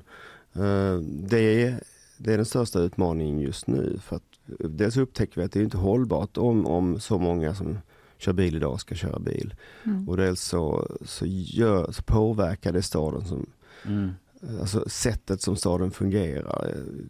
Om jag, om jag säger så här, om du är i Olskroken och får för dig promenera till stan så förstår du nog vad jag menar. Ja, det är ju Mm. stökigt ja. Mm. Men det är lite på gång med politiska förslag nu att uh, begränsa biltrafiken. Jo men som sagt, och det där är ju lite i taget hela tiden. Va? Det går inte fort med stadsomvandling, det går inte fort. För att eh, med den byggindustri vi har idag förmår vi kanske bygga en och en halv procent av stadens samlade volym. Det, säga det tar minst 70 år att bygga Göteborg med den byggindustri vi har idag. Mm. Eh, Så att eh, det går, det går lite halv, det är stora investeringar, stora värden. Det går halvfort att ändra dem. Mm. Men hur gör man ens det om man säger att man inte skulle vilja ha en motorled som går längs hela älven från här till. Ja, nej, man får ju ta de lågt hängande frukterna först. Vi, vi har ju ett projekt som heter Dag Hammarskjölds Boulevard. Mm, Som det. handlar om Dag Hammarskjöldsleden som brakar rakt in i Linnéplatsen eh, som motorväg då. Va? Den går ju att omvandla och då får man också plats i stora delar av dess sträckning så kan man då bygga ett kvarter på varje sida Mm. eh, som idag är, är gräs. Remsor. Och, och då, då får man ju, dels får man ju plats med mycket mer stad och dels så får man en boulevard som både kan ta den trafiken som motorvägen tar idag och faktiskt vara ett gångstråk som är, är tryggt och säkert många fler timmar på dygnet. För bilarna är ju bra när de är i blandad stad. Då, då är det ju ögon på, på, på gatan och på trottoaren som är viktiga. Mm. Eh, ska vi ta den nu kanske vår eh, producent Karl har ju ett förslag då, ett anspråkslöst eh, förslag om att man skulle gräva tunnlar genom Stigbergstorget från Hängmattan och Fjällgatan till Första Långgatan och på så vis göra Stigberget bil och spårvagnsfritt. Vad tror du om den idén? Nej men, men det är ju det att om du gräver tunnlar, det är ganska dyrt både att bygga och underhålla. Då kanske det finns en annan åtgärd som är bättre. Ja. Och det är kanske det man har gjort fel med Göteborg för att man har i stor utsträckning under Göran Johansson och även senare tänkt att det är ju, billigt är ju jättebra. Så vi låter staten bygga Mm. eh, vårt vägsystem och sen så använder vi det för lokaltrafik också. Det är bara att det blir ingen bra stad. Va? Billigt är ju inte bra alla gånger. Nej. Ja, inte om Där det är något som ska stå eh, så länge som en stad nej, ändå nej, gör. och funka för, för folk och ha ett fotgängarnät som, Mm. som eh, är helt. Mm. För det har vi inte idag. Ja. Är det tillbaka till ritbordet Karl. Jag är ledsen. Men om vi ska prata lite om byggnader då, då ett kärt eh, intresse för många göteborgare tror Mm. jag, samtalsämne. Vad har du för favoritbyggnader i Göteborg? Ja, men jag tycker ju om, jag tycker ju om sådana här, till exempel som, som nere vid Korsvägen. Universium och Världskulturmuseet tycker jag är är lite härliga representanter för just sin tid. Eh, De byggdes inte riktigt samtidigt, Universium var först ut faktiskt. Eh, Och det, det får man också tänka att allt som byggs ska ju avspegla sin tid på något vis. Tala om att nu är det 90-tal eller nu är det Mm. 00-tal. Mm. Eh, för, för det roliga med lite äldre bebyggelse är ju det att vi kan avgöra, åtminstone om man är lite, om man är arkitekt eller på annat sätt har koll, kan avgöra om en byggnad är byggd 20, 1917 eller 1921 bara genom att titta på den så Mm. att säga. Och det är det som är roligt med staden, att den är avläsbar, att historien är avläsbar. Det förstör din sociala superkraft att kunna säga det här från 20-talet om alla bygger helt otidsenligt då. Nej, man kan nog ändå säga för att de här som försökte se lite gamla ut som byggdes på 80-talet, 90-talet på Linnégatan ser ju Ja. ut som 80-tal, 90-tal, tacky 80-tal, 90-tal. så. Vad tycker du om när man försöker återskapa typ landshövdinghus eh, fast i ny tappning? Alltså, det är ju inte, det är inte förbjudet att, härma, alltså det är ingenting som är förbjudet utom att göra dåliga saker egentligen i arkitekturen. Man, man härmar alltid, arkitekter är värsta härmaporna. Mm. Ja, det var inget rungande så. Det är det finaste jag sett tolkar jag det som i alla fall. Nej men jag, jag, jag, jag säger det finns, det finns exempel på att man gjort dåliga jobb, så Linnégatan, det är aldrig kul. Nej. Och så finns det exempel på att man gjort bra grejer och då får de vara i vilken stil, Mm. citationstecken Men som helst. Mm. När du säger dåligt jobb med Linnégatan, är det då du menar det här med att eh, hela Nej men, som det, här, in eller? nej, men det här, nej, snarare det här som man byggde. Man rev en massa av de äldre husen och Ja. byggde eh, smäckiga 80-talarna. grejer liksom som, eh, som inte... Ja. Finns kanske något som är, är bra av de nya där men, men i allmänhet så är det ganska tråkigt, Mm. kass. Mm. Mm, en roast av Linnéstan. Men eh, vad, hur ser 2023 ut då? Är det Karlatornet? Är det så det ser ut nu? Nej men Karlatornet är, är väl, alltså jag, för min del så är det så att Karlatornet är ju redan det är ju redan över axeln på något vis. För, att, för att eh, nu jobbar vi ju med, med de grejerna som inte finns eh, på eh, horisonten. Och det, så att det är en jäkla massa grejer. Men, men framförallt vill jag påstå att fokuset nu får nog bli på en sammanhängande stad med bra offentliga ytor och offentliga gröna ytor. Mm. Eh, För det har vi varit lite dåliga på när vi var så upptagna med att, att bereda plats för bilen. Just det. Mm. Ja, men för Björn Werner som är tidigare kulturchef här då, han skrev ju någon text nyligen. Har du läst den eller vet du vad Ja, jag men jag har ju läst med den. den? Jag är ju med där. Ja du är med den till och med. Jag med till med, så Jag mm. läste den, skummade den lite. Mm, mm. Men just det här att han pratade om att, eh, ja, men, eh, att, Göteborg beter sig som någon eh, småstad i självförtroende när man ska bygga massa höga hus och typ titta på oss och att man istället borde förtäta och sådär. Vad Nej, men du om det, det? alltså, att man istället borde jag tycker nog att man kan göra lite, lite, lite alla saker samtidigt. Och många säger, ja varför bygger man så mycket höga hus? Jag vill inte bo i ett högt hus. Nej men det är några som vill. Och, Mm. och det är en väldigt liten del av stadens hus som är höga. Så att eh, det finns nog ett lågt hus åt dig om du inte gillar höga hus helt enkelt. Mm. Ja. Ja, men det känns som det är väldigt mycket eh, debatt om hur fult det är, särskilt där vid Järntorget och Långgatorna och det som byggs där nu. Ja. Vad tycker du om det? Alltså jag tycker att det är bra med debatt men jag tycker att det är ganska fint det där, det där Hotell Draken. Mm. Eh, så då vet jag värre höga hus. Mm. Eh, eller jag menar, nej jag tycker det är fint helt enkelt. Mm. Eh, sen får folk tycka olika saker förstås. Och det ska, ska man göra och ska man ha debatten om det. Det är inte det som är det stora problemet. utan Det stora problemet är ju när man har, har som, som de här Folkets hus som, som gör helt fel saker hela tiden. Man försöker kasta ut Folkteatern och, och ta Mm. dit ett gym istället för en restaurang. Och sådär. De, de, vill bara, de vill bara maxa sina pengar Mm. och tänker inte på staden. Kan ju säga att de har kanske lite annan bild av det. Eller bara för att de är, de är ju inte här Ja, ja, nej det, det är de ju inte förstås. Att de har väl sagt att de inte vill Nej. kasta ut folk. Får jag Då bara hade blivit förvånad om det var här. Men, men, Ja. ja. Ja, Här Och kommer nu de. kommer de! Nej, men eh, mer att, att det handlar om att ha en blandad eh, stad menar du? Att man ska kunna ha en restaurang? Även om inte... Nej men eh, tänk nu här Olof Palmes plats Mm. med, med, med sol från söder och sånt. Där Mm. skulle ju vara inte, det skulle inte vara en restaurang som det är idag med, med, med folk. Utan det skulle vara tio. Mm. Det, är, det är världens potentiellt bästa häng. Så om man då, om man då liksom inte utvecklar det på rätt sätt då har man ju missat att använda en resurs. Eller hur? Mm. Kan man få till tio restauranger där Det är klart man kan. på sikt? Hur gör man det? Ja, genom att till exempel inte upplåta all plats åt gym och sådana grejer som inte behöver ett söderläge med sol. Mm. Just det. Ja. Om man inte vill, eh, ja, precis, vara ute och springa och liksom låtsas eh, på ett rullband där och få solen i ögonen. Men du, eh, du nämnde att Karlatornet är lite så här över axeln, att det, ja, nu, nu är det igång och då tänker inte du så mycket på det men att det var andra intressanta grejer framåt. Är det något särskilt som du tycker känns sp- spännande? Som det finns, på ditt finns ju jättemycket grejer. Det, det är, dels, dels handlar det ju om som, ja, en, del, en del rejäla stadsbyggnadsprojekt som till exempel eh, vid centralstationen och det som händer vid Nordstan och centralstationen och den boulevarden som, som kommer norr därom. Och, och det är den nya centralstationsbyggnaden som vi ska outa här nu i slutet av månaden. Mm. Kan alla journalister vässa öronen ihop med Jernhusen. Ja. Eh, och, och, ehm, Kan du säga något om den? Ja, att den är fin och att, att, att, eh, att eh, alla som gillar klassisk arkitektur kan kanske bli lite glada också där. För den är liksom, den är, mm, och vad är klassisk arkitektur? För min del är det arkitektur som håller i det långa loppet och det kommer den här byggnaden göra. Det är inte containrar staplade på varandra. Det är inte containrar staplade på varandra, nej. Är det mer för tanken åt ett sånt fint gammalt hederligt stationshus? Ja, den jobbar i den, i den, eh, i den genren och, den gör det bra också. Ja. Det var också en, en tävling vi gjorde som vanns av norska Reiulf Ramstad. Så att det, det är lite norrmän, lite danskar, lite göteborgare, lite stockholmare som ritar här i stan just Ja, nu. spännande. Mm. Mm. När, så, när, när får man se de, de här ritningarna?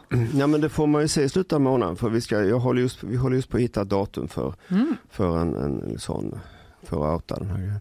Mm. Och, och det, det är kul. Mm. Ja, spännande. Mm. Vad tänker du annars då? Ett sånt där omdebatterat område är ju Frihamnen. Där det ju Mhm. inte hänt så jäkla mycket. Det var ju, fanns ju stora planer om att det skulle byggas liksom 10, upp mot 10 000 bostäder. Det skulle vara väldigt blandat och eh, med eh, alltså vilka som skulle kunna bo där och så. Nu Mm. så skrev vi nyligen här om eh, en avhandling som släppts som visar att liksom snarare har landat i så att alla ska ha råd att eh, åka spårvagn dit än att bo där. Att det, att det hade stoppat lite grann i hela processen. Ja men det har stoppat upp hela processen för, för politiken blev lite, lite tveksam där. Mm. Och, och, men det spelar egentligen ingen roll va? För, för det där är ett så stort område, det blir så viktigt för Göteborg som det kommer igång sju år senare så, så är det i det långa loppet inte ett problem. Huvudsaken är ju faktiskt att det blir bra. Eh, så vi jobbar på det nu. Vi, det- vi har också flera bygglov utom plan som det heter. Va? Det vill säga innan detaljplanen är färdig så gör vi saker. Smyrnakyrkan håller på att bygga ett hus där ute. Mhm. Och, och eh, eh, vi håller på att bygga på Kajskjul 113, det här 50-60-tals uh, kajskjulet i gult tegel. Med ytterligare fyra våningar i trä och sådana saker. Så det är en massa sådana saker som är igång trots att själva detaljplanen inte kommit. Ja, den var ju nästan där va, men då, Mm. då fick man lite kalla fötter och drog i bromsen. Ja. Men hur är det? Är det frustrerande när det blir så? Ja men det är det ju, men samtidigt så måste man ju som, som i min roll måste man ju vara så att man, man har 20 bollar i luften så man räknar med att alla, alla inte Mm. igång samtidigt. Alla, alla, man- får liksom pusha där det går. Så, Mm. mm. Mm. Mm. Eh, jag tänkte på en grej precis innan du kom det här att eh, jag såg uh, Svenska nyheter ska få en ny programledare och då hade de så här pressbild över det så ville de fånga Sverige liksom i den bilden på något sätt med en Mm. sån skyline bakgrund. Mm. Och då var det från Göteborg var det läppstiftet Ja. fortfarande. Mm. Tycker du att vi liksom behöver en ny typ symbolbyggnad för den här staden? Eller är du nöjd med läppstiftet? Mm, Nej, men jag är nöjd med läpp- läppstiftet men vi kan behöva fler och Karlatornet kommer ju bli en sån. Mm. Eh, och det kommer vara fler byggnader som får den, den karaktären. Vi behöver nog lite mer symbolbyggnader i Göteborg faktiskt. För, att för, för 20 år sedan så var det ju liksom Poseidon eller Älvsborgsbron liksom så. Och sen Ja. visste man inte riktigt vad man skulle ta, om man skulle ta fler. va? Nej, Det, är känns som det fortfarande eller? är det, tycker Ja. jag. Ja, Ja. Kanske läppstiftet också då, men eh, Mm. för men- Karlatornet blir ju i en, i en sån backdrop så kanske det blir ändå ganska svårt att förstå att det är att det får vara ett väldigt högt hus då. Nej men läppstift det är ju, det är ju en cool 90-talare, den, den, den, den gillar jag. Mm. Sen, sen är det inte så vi bygger idag men det ska vi inte göra. Mm. Mm. Ska vi avslutningsvis prata lite om det här med eh, Frihamnen? För det blir ju mycket, det kanske är för att jag Eller nej förlåt inte Frihamnen utan Fiskhamnen menar jag. Fiskhamnen. Eh, det kanske är för att jag är sån innerstadsuppväxt och himla privilegierad men Mm. om de pratar om eh, liksom stadsutveckling så, här, så handlar det mycket om älven ofta liksom de här Mm. ytorna. Varför har man inget annat här istället för den här parkeringsplatsen vid Mm. Masthuggstorget och sådär. Mm. Men det har ju funnits en del eh, förslag där. Gert Wingård hade ju en stor vision om vad man skulle bygga där ut mot Fiskehamnen eh, och så vidare. V- hur tycker du? Hur vill, hade du velat ha det där nere mot Nej men jag hade velat att man tog ett lite större grepp för att, för att om man bara säger nu bygger vi en, en jättestor betonglåda som vi kan smycka på olika sätt för, för, eh, för fiskhamnen, för en sorts logistikhubb där va. Så kan man säga att i och med att nästan ingen fisk kommer in över vattnet Mm. utan den kommer, jo det, det gör det ju fast med, med typ eh, Stenafärjan då va. Mm. Och vi flyttar Stenafärjan här nu över älven så småningom. Så att, Mm. eller ganska snart. Eh, Så, så kanske det inte är jätte, jättesmart att bygga en jättelogistikhubb för, för, för 24 meters lastbilar just där. Den ska ju ligga ute i det stora Mm. nätet av vägar så att den, så att den inte stör och så att den, så att den funkar optimalt. Va? Mm. Och då kan den till exempel ligga på, på andra sidan älven vid Arendal där det finns en del plats dessutom. Mm. Så, så man måste tänka lite större och lite längre än att åh nu gör vi ett projekt, projekt. För att dessutom är ju inte det projektet typ finansierat heller för fiskhandeln har inga sådana pengar att bygga för. Så det skulle vara staden kanske eller någon som skulle. Så, så det där är ju, det är ju mycket ritat men kanske inte så mycket tänkt i det större eh, perspektivet. Mm. Det är ju dessutom så ska vi bygga där på den kanten, vilket jag tycker vi ska. Då får man ju överväga om man kan ha kvar en motorväg där. För har man en motorväg Ja. där så måste man dessutom bygga en boulevard bredvid, eller hur? För den lokala trafiken. Och då finns det nästan ingen plats kvar att bygga hus. Så, att, så, så då, då, måste man, då måste man omvärdera det också. Ska Ja, vi det verkligen- låter jätte... Vad ska vi göra då? Det låter Nej, jättesvårt. men Vad gör vi man kan med Oscarsleden? vi kan inte bara ta bort den. Jo, Nej, men du, ta bort den! du kan, ju, du kan ju till exempel, som vi pratade om tidigare, bygga om en sån gata till en boulevard Ja. med samma trafikkapacitet, kanske inte samma hastigheter i lågtrafik. Men, men, och då får du också, då kan du också ta den lokala trafiken och andra funktioner i samma gata. Mm. Som ganska många städer i världen gör. Mm. Göteborg är lite nordamerikanskt där. Europeiska städer brukar inte se ut på det viset. Ja, just det. Så Baltimore-känsla. Ja, lite så ja. Ja. Som spaghetti så. Ja. Mm. Finns det någon stad som du känner så här, så här önskar jag att Göteborg kunde se ut? Nej, det finns inte en stad som ser ut så, men vi tar ju, vi tar ju intryck av många städer. Wien är ju en sån stad i Europa där vi varit och tittat. Den byggdes ju huvudsakligen på 1800-talet och efter äh, första världskriget så, så, så blev den ju en stad för en, litet, en liten nationalstat istället för ett stort imperium. Så det, det byggdes ju ingenting i Wien mellan då och 1980-talet. Vilket gör att det är en, en ganska kompakt stad med 1800-talstäthet. Och det gör i sin tur att väldigt få människor kör bil till jobbet. Mhm. 10-12 procent. Mot över 50 i Göteborg. Ja, ja. Så Wien sneglar vi Ja, eller Vancouver eller, eller Lyon. Eller det, finns, alltså Ja, det vi- finns många. Ja, det finns många ställen som man kan ta ins- inspiration av men alla har inte gjort allting rätt. På tal om inspiration då, en sista fråga. Hur eh, mycket SimCity har du spelat i ditt liv? Alltså Sim har jag spelat en hel del Ja. eh, och, och andra sådana såna spel också. Det måste man ju göra som stadsplanerare. Vilket är det bästa? Alltså, jag, jag lite, när jag är ledig sådär, då är det ju Civ. Civilization som, Ah.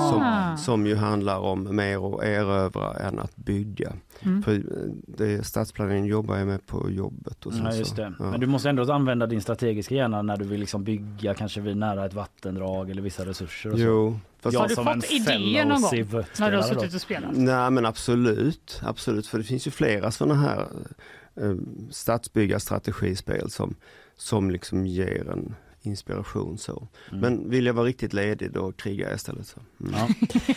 Det låter bra. Det är en annan intervju eller artikel där vi får Björn Siersjös bästa SimCity-tips. Eh, tips till alla speltidningar där ute. Eller Ja, kulturen verkligen. här kanske. Du Björn Siersjö, stadsarkitekt, eh, tusen tack för att du kom hit. Tack. Intressant att höra dina tankar. Ja men det var trevligt. Och Odinsgatan, ta inte taxi dit för det. Nej, fan jag ska... Tack, tack för det tipset. Ja. Ah. Ja, vi eh, ska gå vidare eh, och tacka av Björn här. Vi ska spela lite sponsormeddelanden innan vi kliver in med nyhetssvep och bakvagn. Men vi tar eh, lite sponsormeddelanden. De kommer här. Nyhetsshowen presenteras av Skeppsholmen, Sveriges vackraste hem och fastigheter. Lilla soffbutiken med det stora urvalet. Mjuk biltvätt, en ren upplevelse. Clearly, kontaktlinser på apotek. Ja, det är så speciellt, det är så tvära kast här så Björn har ju redan gått. Man, Ja, egentligen vill man ju sitta kvar och liksom prata SimCity och all, allt möjligt. Ja, jag såg att du verkligen gick igång där. Ja, Ville ha lite tips. ja jag grejen är att jag inte ens spelar SimCity. Mitt eh, sånt eh, liksom sim-spel of choice var ju denna Theme Park där man bygger en nöjespark. Ja, gud vad kul det var. Ja, jättekul. Eh, Men sen vill jag inte spela de nya utan jag spelade bara det gamla DOS-spelet liksom. Sån är jag. Sån jag är är lite du. konservativ när det gäller sånt där. Eh, en som inte är så konservativ när det gäller världshändelser utan hela tiden vill kasta sig över det senaste. Det är ju du Isabella Persson. Snyggt. Ja, det var en bra övergång. Tackar, ska du ha. Mm. Eh, vi kör igång va? Ja. Varsågod. Tack. Bandet Sabaton får behålla priset som årets folkbildare. Bandet har kritiserats för bland annat att ha spelat på Krimhalvön efter Rysslands annektering 2014 och de har också kritiserats för vissa uttalanden i samband med spelningen. Men Föreningen för vetenskap och folkbildning som delar ut priset skriver i ett pressmeddelande nu under morgonen att man gått igenom all tillgänglig fakta och att det finns flera tillfällen då bandet tagit avstånd från kriget. Seriemördaren Mikhail Popkov vill ansluta sig till Wagnergruppen för att strida i Ukraina. Det rapporterar Daily Mail. Popkov avtjänar två livstidsstraff efter att ha erkänt mord på 83 kvinnor. Och sedan en tid tillbaka har det kommit rapporter om att ryska fångar värvas till kriget. Nu går vi in i den vecka som brukar kallas årets fattigaste och i år räknas den bli tuffaste på flera årtionden. Orsaken är den höga inflationen, höjda räntor och ökade elpriser. Privatekonomer uppmanar de hushåll där pengar inte räcker till att agera genom att till exempel kontakta banken eller företag som utfärdar räkningarna. Men om vi fortsätter på ekonomitemat så säger ekonomer från Swedbank nu att räntetoppen kan vara nära. Bolåneräntor väntas toppa runt 4% i början av 2023. Prognosen baseras på att man väntar ytterligare en räntehöjning av styrräntan men att nästa steg efter det blir en sänkning i slutet av det här året. Ja, det var ju trevliga nyheter Ja, för alla oss med bostadslån. Ja. Känns som att det var det man, Can't relate. ändå det man ville höra lite grann när man... ehm, det var fint att du avslutade det så. Exakt. Efter Ja. den här hemska fattiga veckan. Ja. Så känns det som att man vill höra lite. Men vet ni vad, januari tar också slut. Ja, Och sen tar februari också slut. Ja. Och sen, blir, sen blir det det vår. är det bättre och bättre och sen är det bättre. januari igen. Men eh, ja, lite breaking det där med Sabaton då. Ja. Att eh, de Ja, har uttalat sig verkligen. nu att de får behålla det. Ja, precis. Ändå, för jag blev så intresserad när du eh, drog den nyheten Mm. så jag började googla här samtidigt. Eh, och några som har googlat som galningar. Det var roligt för att Dan Katz, styrelseledamot i Vetenskap och folkbildning säger att de har googlat som galningar. Det blir liksom lite som en eh, eller han, Vad säger han bokstavligen? Ja, han säger det bokstavligen. Han liksom pikar lite alla som har varit så här för den där kritiken som Mm. du nämnde då att de har spelat, Spelat. på Krim Mm. och så hade en i bandet sagt basisten så här åker man till Sevastopol och upplever man knappt att de känner sig ockuperade utan tvärtom. Det är ju det som folk har liksom Mm. ryckt ut bara så Mm. här har de sagt. Och Då säger han så här, det här citatet var något som vi inte hittat, eh, det där med som jag just sa. Vi hade varit väldigt noggranna och givetvis googlat som galningar. Sen säger han så, här, så det var ju duktigt av någon att hitta det. Men det första som dyker upp när man googlar Sabaton, Ukraina och krig är att de tar avstånd från kriget och sedan genomförde den här manifestationen. Mm. Eh, som de har genomfört någon sån manifestation också. I eh, England. ja, Mm, exakt, i mars Jaha. förra året. Så det var ändå lite mm, en liten diss Så, han fick tillbaka kaka. Tillbaka Det känns kaka. ju som att de verkligen har gjort sitt arbete här nu också. Ja, Och googlat som galningar. nu blir jag, ja, det här vill jag prata mer om men det kanske vi får göra imorgon när man har lite mer på fötterna. Men just Mm. alla som har varit så här, "Ah, Sabaton är så himla, det är så himla dåligt det här och ja, Mm. ja, ja det, det här får vi prata mer om en annan gång. Det får vi reda ut. Gissa. Det får vi göra. Tack eh, för att du väcker så mycket intressanta tankar Isabella. Det går vidare.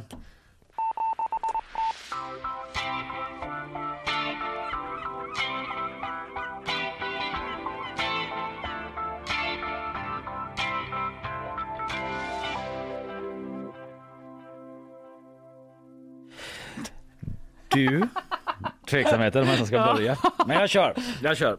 Eh, det var eh, 100% jag som stod för all tveksamhet, ska jag säga. Nej, det Eh, blev dubbel tveksamhet. Ja, dubbel För jag tveksamhet. blev så tveksam. Ja, i och med att jag tvekade. Men nu släpper vi tveksamheten Ja! och kastar oss in i en artikel som Berätta. jag läser på gp.se.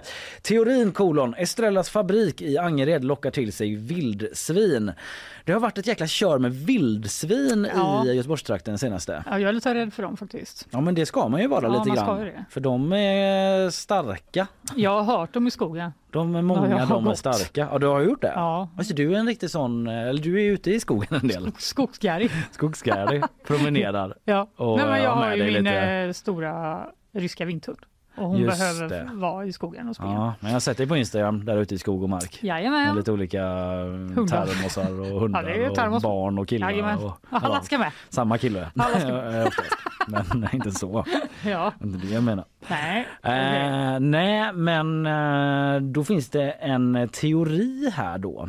Eh, det ställs, frågan har ställts av skyddsjägare själva. Kan chipsdoften från Estrellas fabrik i Angered locka till sig vildsvinen? Men alltså, området? jag visste inte ens att det fanns en chipsfabrik i Angered. Nej, jag var lite så också. Men jag tror det säger, det säger nog en del om oss.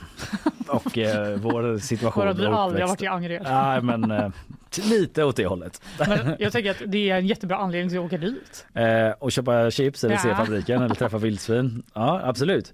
Eh, det kan man ju göra. Eh, men så här i alla fall, eh, då har GP liksom följt upp, följt upp det här för att eh, det var ett eh, reportage med viltjägare som vi också hade. Jag tror det var där det kom upp första gången, eventuellt eller liksom i ett samtal med dem då. Mm. Att de hade den här teorin och då har vi ringt upp två stycken vildsvinsexperter som är lite inne på att den här teorin, ja det kan faktiskt stämma. Mhm. För att vildsvin har tydligen väldigt bra luktsinne. Mm. Men ett är det så att området runt Angered, alltså den största anledningen där är att det är så här bokskogar och det Mm. finns mycket ekollon där och det Mm. gillar vildsvin att äta så det är väl den stora grejen. Det låter ju rimligt. Ja. Kanske därför. Att det inte är så. De, bara, de bor i skogen Mm. och Sour äter cream i skogen. Så det är därför de är i Angered. Ja. Men, eh, Men det är inte så kul. men de säger ändå så här att eh, i och med att de har så himla bra luktsinnen så skulle de kunna känna den här chipsdoften på väldigt långt håll, troligtvis ett par kilometer om vinden ligger rätt. Eh, och eh, då säger till exempel då Regina Gench som är vilthandläggare på Länsstyrelsen att hon inte tycker det är en långsökt teori. Eh, och att de faktiskt kan ha säkert ha lockats dit av chipsen, särskilt om chipsen luktar mycket potatis. Och det kan de ju göra och friterat och så om man inte dränker det i dill och så. Nej, fy vad äckligt. Dillchips, wow! vi drar till Högsbo. Jag tycker faktiskt det är de äckligaste chipsen. Ja, jag tycker också det. Ehm, annat in någon jävla dill i mina chips. Men det är ju rörande att tänka sig att de går där i skogen och bara Mm. Va? Vad är det? det är potatis. Och så bara går de på rad till chipsfabriken. Ja. Hoppas att de ska få smaka lite. Det verkar de inte ha gjort för att eh, vi på GP har talat med eh, någon eh, marknadschef där på Estrella, Kristoffer Westerberg som har hört sig för lite i produktionsleden bland personalen ifall någon har sett några vildsvin i, i trakterna där men det har de inte. Nej, Eh, Varför är det här en nyhet då? Om de inte ens är. Ja, men nyheten är väl att det finns mycket vildsvin i trakten och folk undrar varför, vad de gör där eller varför det har koncentrerats särskilt till Angered och att då finns den här teorin och att experterna tror att så bara, ja det kan ha med det att göra. Fast men det har det inte. de verkar inte vara så chipsugna att de liksom tagit sig hela vägen till fabriken. Då. De kanske kände, det, så här kan teorin vara fan. Mm. Om jag ska då liksom Mm. så här, dra vad teorin kan vara. Mm. De strosar runt i trakterna här i Göteborgsregionen bara sour cream and onion. Det luktar gott, drar de dit på vägen. Men här är ju en bokskog med ekollon. Det är det vi gillar ännu mer. Skit i chipsen, vi stannar här. Så skulle det kunna vara. Men Kristoffer Westerberg vill också vara tydlig med att om vildsvinen kommer dit, då kommer de gå bet i chipsjakten. För vi har krav på att inte förvara något ätbart utanför. Så det finns inget ätbart utomhus, inte från vår fabrik i alla fall, säger Kristoffer Westerberg. Så där... Okej, de har inte typ stora skålar med chips utanför chipsfabriken. Nej, tydligen Vad inte. tråkigt ändå. Tråkigt, annars hade man kunde kunnat bjudit på lite. locka dit sådana som dig och mig kanske. Så länge det inte är dill. Sour cream and onion.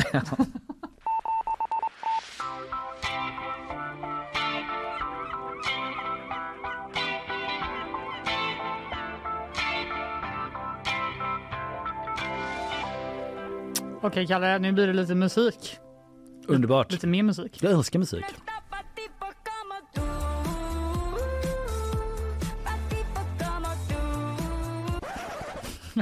Vad var det där för liten? Jo, det var den mest streamade låten genom tiderna på Youtube. Skapad av, eller det vet jag faktiskt inte, men framförd av Shakira. Ja just det, det var det du nämnde i början ja. Ja, Shakira, Vad sa du Shakira. mest streamade? Är det vadå, är den förbi typ Gangnam style eller Alltså vadå? det verkar som det. Den har 121 miljoner streams eh, i, eh, just nu. Jaha jävlar. Och den lades då upp ja, i slutet av förra veckan. Oj hej vad det går. Den 12 januari. Mm. Och den fick 63 miljoner streams eh, första dygnet. Okej, shit vad sjukt. Ja, och då tänker du, är den så jävla bra, den här låten? Ja det vet jag väl. Hips don't lie. Ja, men den. Kanonlåt. Ja, Om det är men, Shakira eh, där bakom. Då förstår jag att Eventuellt folk strömmar till. så är det kanske inte låtens kvalitet som Nej, gör att alla okej. vill lyssna på den, Just det. utan eh, det är för att eh, Shakira då har gjort slut med sin exman eh, som heter Gerard Piqué. Han känner jag mycket väl till. Ja, eftersom att han är aning om vem det är, men han verkar känd. Ja, han var ju ändå en av världens bästa typ ett tag. Okej. Kan man nog ändå säga. Han är alltså känd inte för att han är gift med Shakira, utan för att han är fotbollsspelare. Ja, men också för att han är gift med Shakira. Mm. Men han Eller var, var ändå, då. Ja, var jag. Men han var också väldigt bra på fotboll. Ja, okej. De, har, eh, de var gifta i 12 år, men sen började det ryktas om diverse otrohetsskandaler från eh, Gerards eh, håll. Då. Mm. Och till slut så skilde de sig och nu har han blivit ihop med en 23-årig tjej. Ja, Typiskt. typiskt. Eh, därför skapade då Shakira den här låten, där, som tyvärr är på spanska så jag förstår inte riktigt vad hon sjunger. Men Nej. jag läser på vår sajt Ja. att eh, hon tydligen går hårt åt Piqué i den här texten. Eh, bland annat så sjunger hon att han borde träna sin hjärna lika mycket som han tränar sin kropp. Sick burn! ja, det var en burn ändå. Ja, den låter det säkert var- bättre på spanska. Jag Eh, tänker att det låter så jävla mycket mer ja. liksom, hårt. Men jag fattar ju, det är ändå ett hantverk där. Han är någon sorts mimbo som bara tränar och är dum i huvudet, tycker Så- hon. Det svårt att göra en disslåt på svenska när jag tänker efter. Alltså det, Ja. mycket, det känns mycket enklare på spanska. Ja, det finns, det är enklare när man, det är den vanliga formen för en disslåt är att man rappar ofta. Ja, ja det gör inte hon riktigt, Nej. men eh, det är sant. Det går ju. Det går. Jag har hört eh, det sånt. disslåtar på, på rap som jag tycker funkar. Men inte den På eh, liksom... eh, vers har jag hört om. På rapvers. Eh, hon sjunger också att han bytt ner sig från en Rolex-klocka till en Casio och att hon själv är värd två 23-åringar. Kanske inte bara för att hon är dubbelt så gammal då, men jag Nej, vet, eller, eller kanske just därför. Ja, det kanske är det. Shots fired mot eh, det irrelevanta klockföretaget Casio. Eller så här, det som jag, klockföretaget Casio som jag inte har så bra koll på. Nej. Och 23-åringar. Det är ju så här hipsterklockor. Ja, okej. Det är i alla fall ingen Rolex Nej. om man säger så. Okej, så folk... Eh, Så vill du bli streamad utav bara helvete så ska du göra en disslåt på spanska. Vem ska jag dissa då? Jag vet inte, men jag ser verkligen fram emot din disslåt mot någon. Som du ska spela upp här i nyhetsshowen. På spanska också. Ja, live to see that day. My penis was oscillating between extremely sensitive and borderline traumatized. The last place I wanted to be was Frostnipistan. Den här bumpen får du fan ta bort alltså. Eller triggervana. En modern klassiker Nej, om... Eh, Fy, ingen ska behöva höra de här orden så tidigt på morgonen. Eh, nej men okej. Vi- vi- Det blir ehm, omröstning sen här. Det blir omröstning. Kanske på Instagram också ska vi ha kvar den. Ja, det tycker jag. Eh, Det är mycket från den där boken hela tiden. Eh, nu ska vi inte vara i Storbritannien utan vi ska till Italien. Mhm. En stor grej som utspelar sig där. Som kan låta lite tramsig kanske. Ja. Men den har nått upp på hög politisk nivå. Det är nämligen en finländsk familj som Ja. flyttat till Sicilien. Och roastat Sicilien. Va? Ja, Hur det kan de med? Ja, det undrar man ju.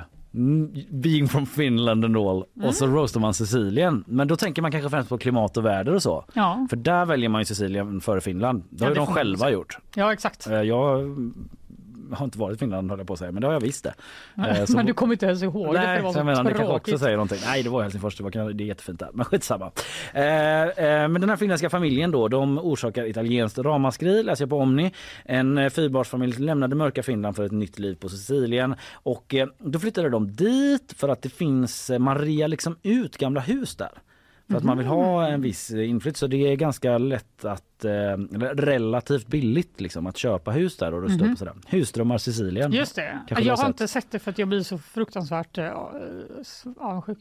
Ja, det där SVT-programmet. Jag skulle liksom aldrig kunna göra en sån sak. Jag är helt ohändig. Jag har typ det enda verktygen jag äger är en sån flytta hemifrån låda från Ikea som jag fick när jag flyttade hemifrån. Ja. Jag ringer fortfarande min pappa så kan du komma och sätta upp en hylla? Ja, det hade jag också gjort om inte min pappa var så uh, dålig på att sätta upp hyllor. Nej, det kanske han inte är, men han är också ganska ohändig. Han har liksom odlat en sån kultur hemma av att det Men hur sätter du sånt. upp en hylla då? Nej, men min tjej gör det oftast. Ah, hon har så lärt står sig. jag och håller ett vattenpass här och gör det. Men hon lär mig. Mamma är i och för sig ganska bra på det. Men eh, i alla fall, fast pappa har spottat upp sig. Han har typ byggt något jävla hus på landet. Så jag ska inte Han har byggt ett kasta- hus? Nej men eh, i alla fall hjälpt till med någon jävla attefallshus. Här, Ja, ja, nu var det den här finska familjen. Det är jag som kommer in på sidospår hela tiden.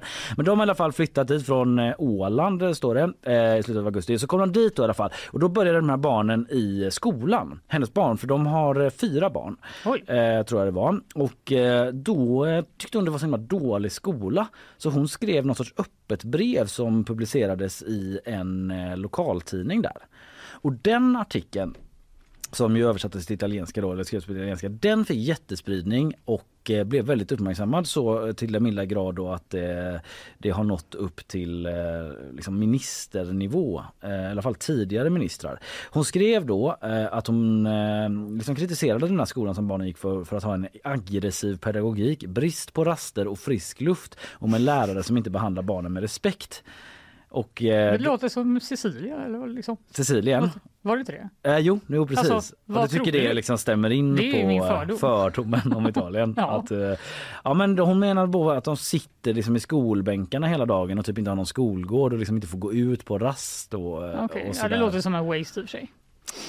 Om man ändå bor där. Ja, ja, att man inte får komma ut Mm. och se det fina. Nej. Nej. Vi har flyttat hela vägen från Finland. Du fick bara vara inne i skolan. Ja, nu fick vi bara se Hela våra tiden. skolbänkar.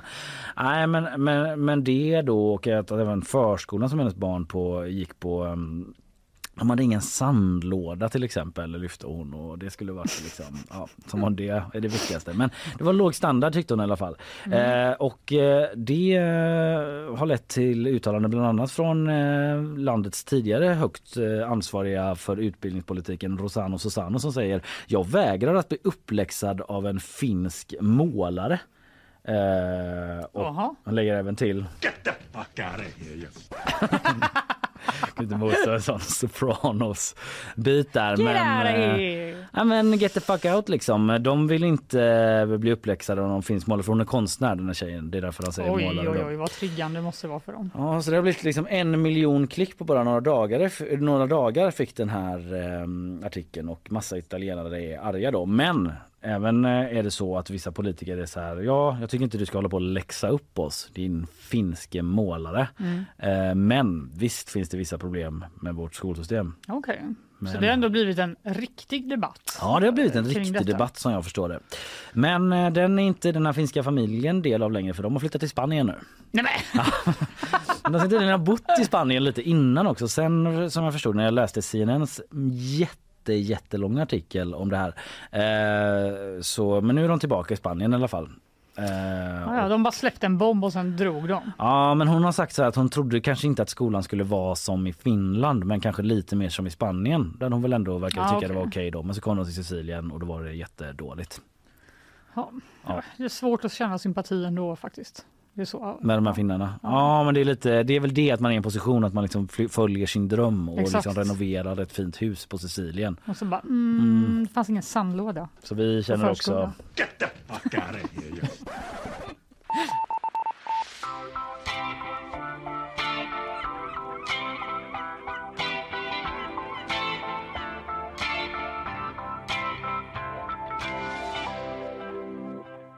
Ja, producent Carl kan inte hålla sig här nere. Han roastar också roastar finnarna. Ja, de får huset, de får huset gratis. han. Ja. vad har du för nästa grej? Ja, men alltså eh, i morse Mm. var jag tvungen att gå till jobbet för jag missade vagnen. Och då lyssnade jag på P1 morgon. Ja. Så hörde jag en nyhet och blev så sjukt irriterad. Och det kanske var för att det kanske var liksom blåsten på heden eller någonting. Men jag ska spela upp den för dig och se om du blir lika störd som jag. Mm. Den höga nivån på värnpliktiga gör att det blir svårt för Försvarsmakten att få tillräckligt många att efteråt vilja ta anställning som soldater och gruppbefäl. Istället väljer exempelvis en del att läsa till läkare eller civilingenjör. ÖB Mikael Bydén. fantastiska värnpliktiga vi får in. Men vi behöver behålla fler av dem på sikt för att anställa.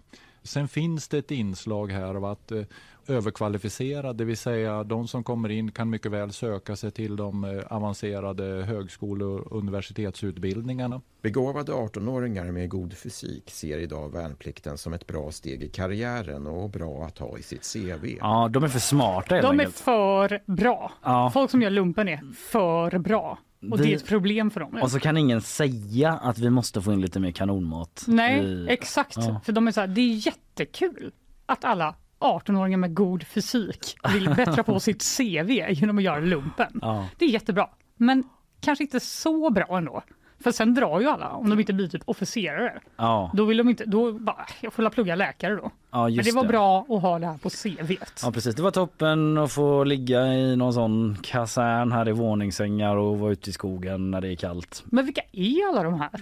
De här högpresterande Uber-människorna. Alltså jag visste inte att det här var liksom en grej som man var tvungen att göra för att hamna i samhällstoppen. Nej, jag känner mig också, för jag hörde också den där eh, i morse, jag känner mig också lite främmande för att det var en sån CV-grej som folk eh, vill göra för att typ lyckas bättre framåt i tiden.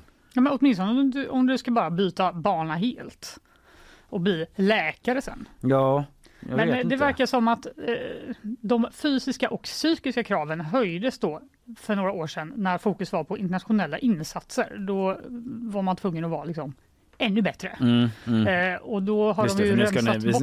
Ja, nu ska ni bort från ut, Sverige. Och ni ska utomlands också och liksom visa upp er. Då kan vi inte skicka vilka dödskallar det som vara helst. då, eh, riktigt god fysik på 18-åringarna Ja. som vi skickar ner till Mm. Mali. Frågetecken. Men då var det höga krav. Ja, och sen eh, därför så är det jättemånga som helt enkelt inte får plats. Och de som får plats, de vill inte ens vara kvar sen. Så nu undrar ju du, vad är lösningen? Ja, de ska titta på att sänka kraven, Mm, helt enkelt. okej. Så sämre människor kommer in och kanske stannar i armén. Känns det bra? Nej det gör det inte jättebra. Men det är en jävla rävsax. Ja. Ja. för att någon annan- kan man liksom inte vara läkare i armén då? nu försöker jag spåna fram olika idéer. Nej men det är en svår situation för dem. Ja, Eller hur? alltså jag tycker bara det är alltid, det är precis som när polisen skulle sänka sådana Ja, intagningsprov. Att man är så här, är det verkligen det vi vill? Ja, så kom det någon sån nyhet också med någon som hade så Ja, hade typ så börjat gråta för att han missade på den skjuttavlan. Var Ja, och någon som typ sköt labilt. någon annan var det ju. Ja, Av misstag. Av misstag ja. ja. Vi får se. Lycka till armén. Hoppas ni löser det här. Vi så följer som man gör i en sån tråd. Exakt. What could you buy with your body count? A McChicken because it's one dollar. That's all I can get with it. One. do- What happened to your voice? I have the coronavirus. That's why I don't have a voice. so clean the mic after this, or you will get it. Du, jag ska bara kort följa upp den här Joe Biden situationen med hemliga papper som Ja, pågår det alltjämt. för Joe? Nej, men det går inte alls bra just det med pappersgrejen i alla fall. Eh, jurister har hittat fem sidor hemligstämplade dokument i president Joe Bidens privata bostad i Wilmington, Delaware. Det meddelar Vita huset. Och det här är, om jag räknar rätt då, tredje pappersfyndet på eh, ja, någon dryg vecka eller liknande som det rapporteras om även om några hittades för längre tillbaka sedan i tiden då. Men ehm, eh, tidigare så hade man gått ut med att man hade hittat att det var en sida man hade Mhm. hittat. Det var bara en sida. Men nu visar det sig att det var fem sidor då. Eh, och eh, nu har man ju då tillsatt en eh, särskild extern, eller en utredare då som ska titta på det här och hela mm, för alla förehavanden med de här dokumenten. Mm. Och det var ju tidigare, i slutet av förra veckan också torsdags, fredags, något sånt där, eller torsdags, som eh, man också hittade, eller kom rapporter om att man hittat papper i Joe Bidens garage. Ja, just det. Eh, och det är eh, inte toppen tänker jag för hans redan lite skaka image som sådär virrig gubbe. Han känns ju, som, han känns ju väldigt gammal. Ja, Helt enkelt. precis. Det är ju de här bilderna när han har ramlat och du vet det dyker upp att han är lite så här, Ja, lite så skrockgubbe Tappat då. tråden och... Ja, och vi ska lyssna bara då för i slutet av förra veckan när det var hela den här garagegrejen då så var det en presskonferens. Det har inte varit efter den här. Så det här är liksom den gången han har typ uttalat sig Mm. om papperna vad jag har sett då. Eh, och då kan vi först lyssna på när eh, han får eh, en fråga av en reporter. Eh, och eh, lyssna särskilt på den reporterns ton på slutet när han frågar What were you thinking? Eh, förlåt, jag måste bara ta fram det här. Här kommer det. Okay. Classified modified material next to your Corvette? What were you thinking? Let me, uh, look, I'm going to get a chance to speak on all this, God willing, soon. But as I said earlier this week, people, and by the way, my Corvette's in a locked garage, okay? So it's not like you're sitting out in the street. But at any rate, y- yes, as well as my Corvette. Um, but Ja, men alltså han väver in... Humble brag. ja, dels att han har den här korvetten men också att han liksom väver in sig i något resonemang om att garaget var faktiskt låst. Ja, som att det ska hjälpa, liksom. Ja, det spelar väl ingen roll. Men alltså typ att det känns som att någon hade kunnat bara placera ut lite papper för att sabotera för honom eftersom han är så gaggig. Bara putting it out there. en hejdlös konspirationsteori, Ja. men visst eh, tanken kan man ju tänka. Eh, sen då så... Är jag den enda som har tänkt det här? Kanske. Kanske. Mhm. Tystnaden i studion talar för sig själv. ring mig.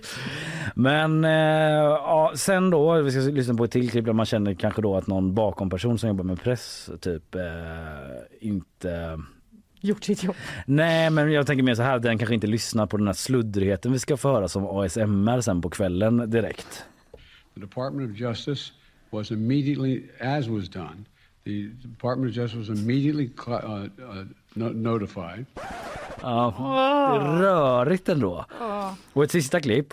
eh, Det är när man avslutar den här presskonferensen. Vill jag bara att du ska lyssna efter ett ljud som Joe Biden gör. När, eh, för det är den klassiska amerikanska när alla journalister bryter in med frågor på slutet. Så, Mm, just det.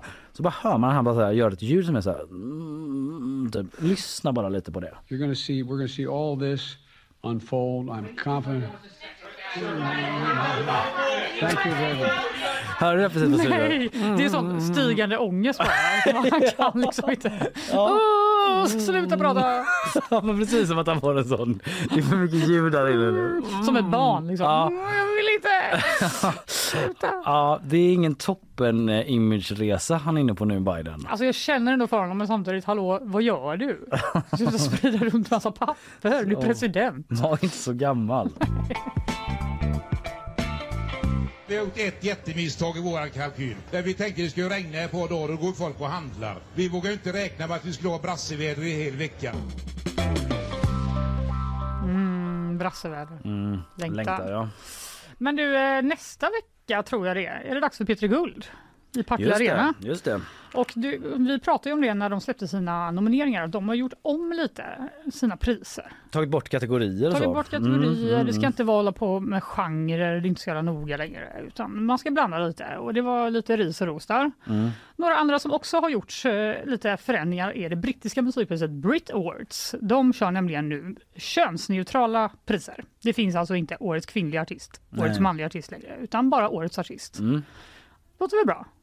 Ja, det, det, Låter det låter det. det. Ja, det kan Ja. man ju göra. Problemet var då att när listan över nominerade artister publicerades eh, förra veckan så fick den väldigt mycket kritik eftersom alla nominerade var män. Ja, jag tänkte just det. Fan.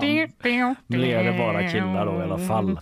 Fan just det, det var ju därför vi gjorde det här från början. Exakt. De bara, vad fan, ja, men alltså det är vad det är.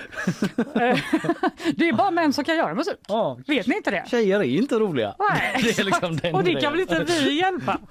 Jag har frågat Men- alla mina polare, alla mina killkompisar och de är inte roliga. Det är ingen som kan relatera. Aldrig skrattat åt en tjej. Sluta kvotera in dem. Nej, de fick i alla fall massa kritik från nöjesvärlden i England. Men en, och såklart vill ju folk veta, hallå, varför blev det så här? Då säger en talesperson för musikpriset till Huffington Post att det var väldigt få kvinnliga artister som gjorde större släpp för- förra året. Mm. Det låter instinktivt eh, jättekonstigt. Jag tror inte det var det smartaste kanske den personen hade Är sagt. Inte, för är det brittiska, det är Brit Awards ja. ja, ja jag, Exakt. Jag, jag kan inte komma på några brittiska artister nu men det Typ måste ju finnas. Adele kanske? Men Ja. vet, hon kanske inte släppte, Släppte, förra året. nej. Jag, all, it's a blur kan man säga. Ja. Eh, Alla eh, åren i corona. Och på tal om har det, alltså är Blur. Va, de har väl inte heller släppt? Nej, men de är skitgoa killar. Fan vad bra de är va? Har ni hört ett bättre band? Nej, men de har också den här brittiska då, eh, organisationen som arrangerar musikpriset BPI. De ska nu genomföra en stor studie för att identifiera vad som hindrar fler kvinnor att bli framgångsrika i musikvärlden. Och så bara... Bara, It's you guys! Exakt, turns out. Vad it's fan! us. Ja. De bara, "Ah, vi kom fram till att Det var vårt fel. Vi Ja. sa att inga kvinnor gjorde bra musik förra året och bara nominerade massa män. Men varför kom, finns det inte fler kvinnor i musikvärlden? Så himla konstigt. Mm. Så Peter Guld, jag vet inte. Vi hoppas på bättre outcome efter Partille Arena helt enkelt. Ja, nästa vecka på fredag Ja, visst är det är det Peter Guld tror jag. Spännande. Det blir spännande att följa det. Eh, men du, nu eh, rundar vi av det här. Eh, vi har pratat så mycket. Eh, vad har vi pratat om idag? Jag har pratat om eh, chipsdoft i Angered som lockar vildsvin eventuellt eller inte. Men det är en oss. teori i alla fall. Eller oss, ja precis. Eh, jag har också fått lära mig att Odingatan ligger precis utanför dörren här av dagens gäst Björn Sisjö eh, som är stadsarkitekt som pratade lite om hur den här stan ska se ut och vad han gillar och ogillar och sådär. Mm. Han sa inte hur den ska se ut, det var han ganska noga med att inte göra. Men eh, bjudit på lite tankar om det hela. Mm. Du har fördjupat dig i vad då? i eh, Wagnersoldaten som flydde till Norge och eh, Greta Thunberg som blev bortförd av eh, tysk polis flera meter. Just det, och jag har gått igenom alla turerna runt den här Erdogan-dockan som hängdes upp och ner i Stockholm och eh, ja, debatten om yttrandefrihet versus liksom diplomatisk eh, finkänslighet mot Turkiet eller Mm. vad man ska säga. Podden kommer ut, lyssna på den om du missat något av det här och vill höra det. Eh, tills imorgon så säger vi ha det så gött. Hej då!